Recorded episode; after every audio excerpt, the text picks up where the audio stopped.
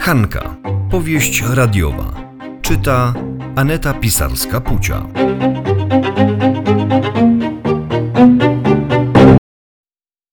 Powieść radiowa Hanka, odcinek 14, Meksyk.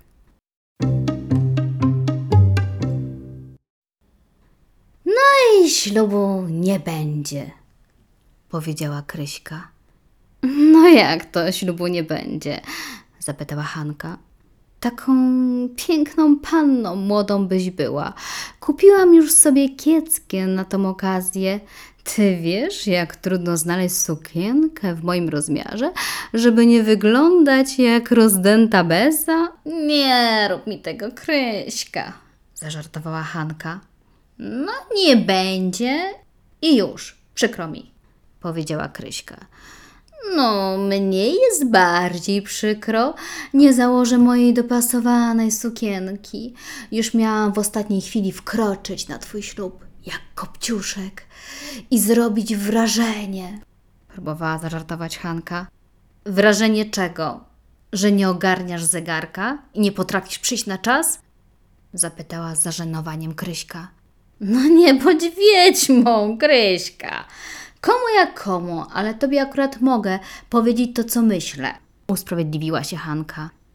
No możesz.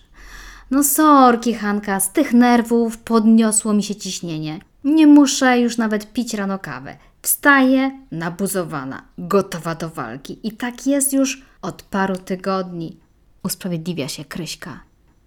Kryśka, ale co właściwie się stało, że ślubu nie będzie? Co ten Kazik nawywijał? Zapytała Hanka. Oglądałaś Hanka Kac Vegas? No, tak, oglądałam. No nie mów, że Kazik tak zaszalał. Gorzej. Jak to, jak, jak to gorzej? Ja zaszalałam. No co ty pleciesz? Kryśka, ty? No właśnie, ja. Obudziłam się w Meksyku. O jać. jak, to, jak to w Meksyku? Trochę daleko z Warszawy do Meksyku. Hanka, proszę cię bardzo, nie przerywaj mi w połowie zdania. Daj dokończyć. No, budzę się w Meksyku. Meksyk to pensjonat pod Radomiem. A ja już myślałam, że grubo popłynęłaś. No wiesz co, Hanka? Za kogo ty mnie masz? No dobra, Kryśka, mów dalej. No obudziłam się w Meksyku na poprawinach Panińskiego. No wiesz jak to jest. I pomyślałam sobie, że żaden ślub nam nie jest potrzebny. No, i, no jak to? Jak to, że nie jest wam potrzebny? A co rodzina powie? Matka, ojciec, tyle czasu jesteście razem. Oni pewnie o wnukach już myślą. No właśnie, w tym jest problem. My nie chcemy z Kazikiem od razu po ślubie wnet na chrzciny prosić, że tak ujmę. Ale wszyscy tego od nas oczekują. No Kryśka, taka jest kolej rzeczy. Najpierw ślub, potem dzieci. No nie wiesz? Zaśmiała się Hanka. No właśnie, tego się właśnie obawiam. Presji na macierzyństwo. I sobie wymyśliłam, że jeśli ślubu nie będzie, to nie będzie nacisku na dzieci. Bo kto to słyszał o tym, aby porządni, wierzący ludzie, tacy jak rodzice Kazika, namawiali pannę na dziecko przed ślubem. O, co by we wsi powiedzieli? Zaśmiała się Hanka. Akurat Haniu, to nie jest temat do żartów. Już rodzice Kazika naciskają, abyśmy czym prędzej się pobrali, bo ludzie gadają. O, to niech sobie gadają, na zdrowie im, powiedziała Hanka. No tak, ale mówią, że starą panną jestem, że już dawno po terminie, że pewnie jałowa jestem, bo nie mam dzieci. Jaka? Jałowa, no. Oj, niech siebie pilnują. Też tak myślę, ale wiesz jak to jest. Po ślubie naciski rodziny i sąsiadów naściną się. Będą mi podsyłać śpioszki, smoczki, buteleczki, albo ciągle dopytywać, czy jestem już w ciąży. I doradzać, co mi wolno, czego nie wolno, w ciąży, przed ciążą i po ciąży. Już Kazika się pytają, czy mu jakoś nie pomóc. no co ty? No tak, koledzy z pracy już mu dogadują. No jak to? Niech każdy siebie pilnuje. No widzisz, Hanka, z każdej strony naciski, presja otoczenia.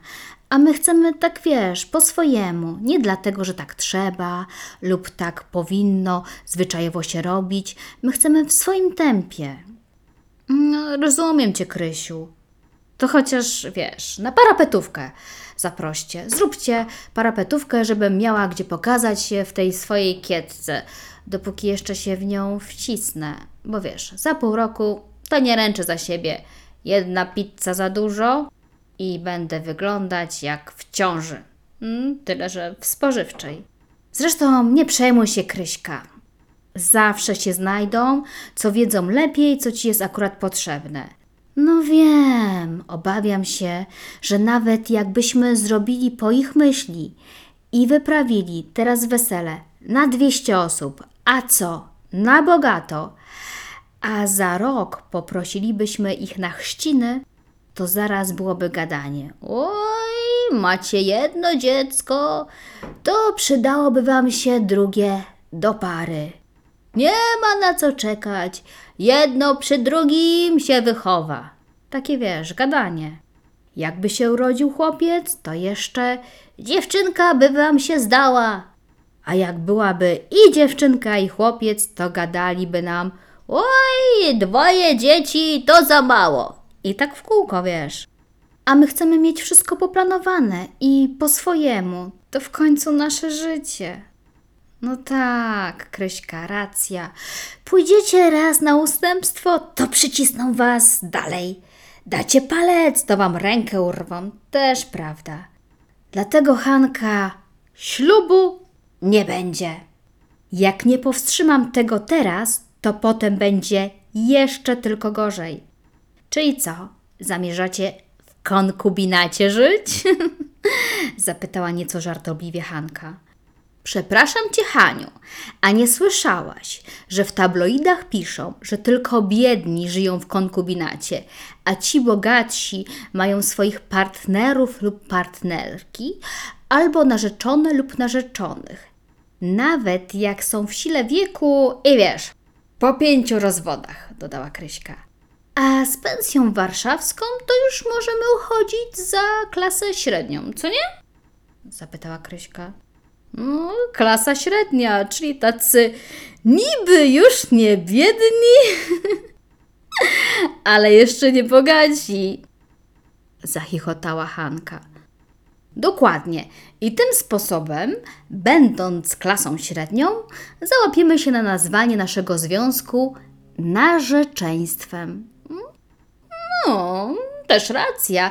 Zatem będziesz wieczną narzeczoną, zawsze piękną, młodą i gotową na ślub. A idź ty, Hanka, z tobą to poważnie porozmawiać.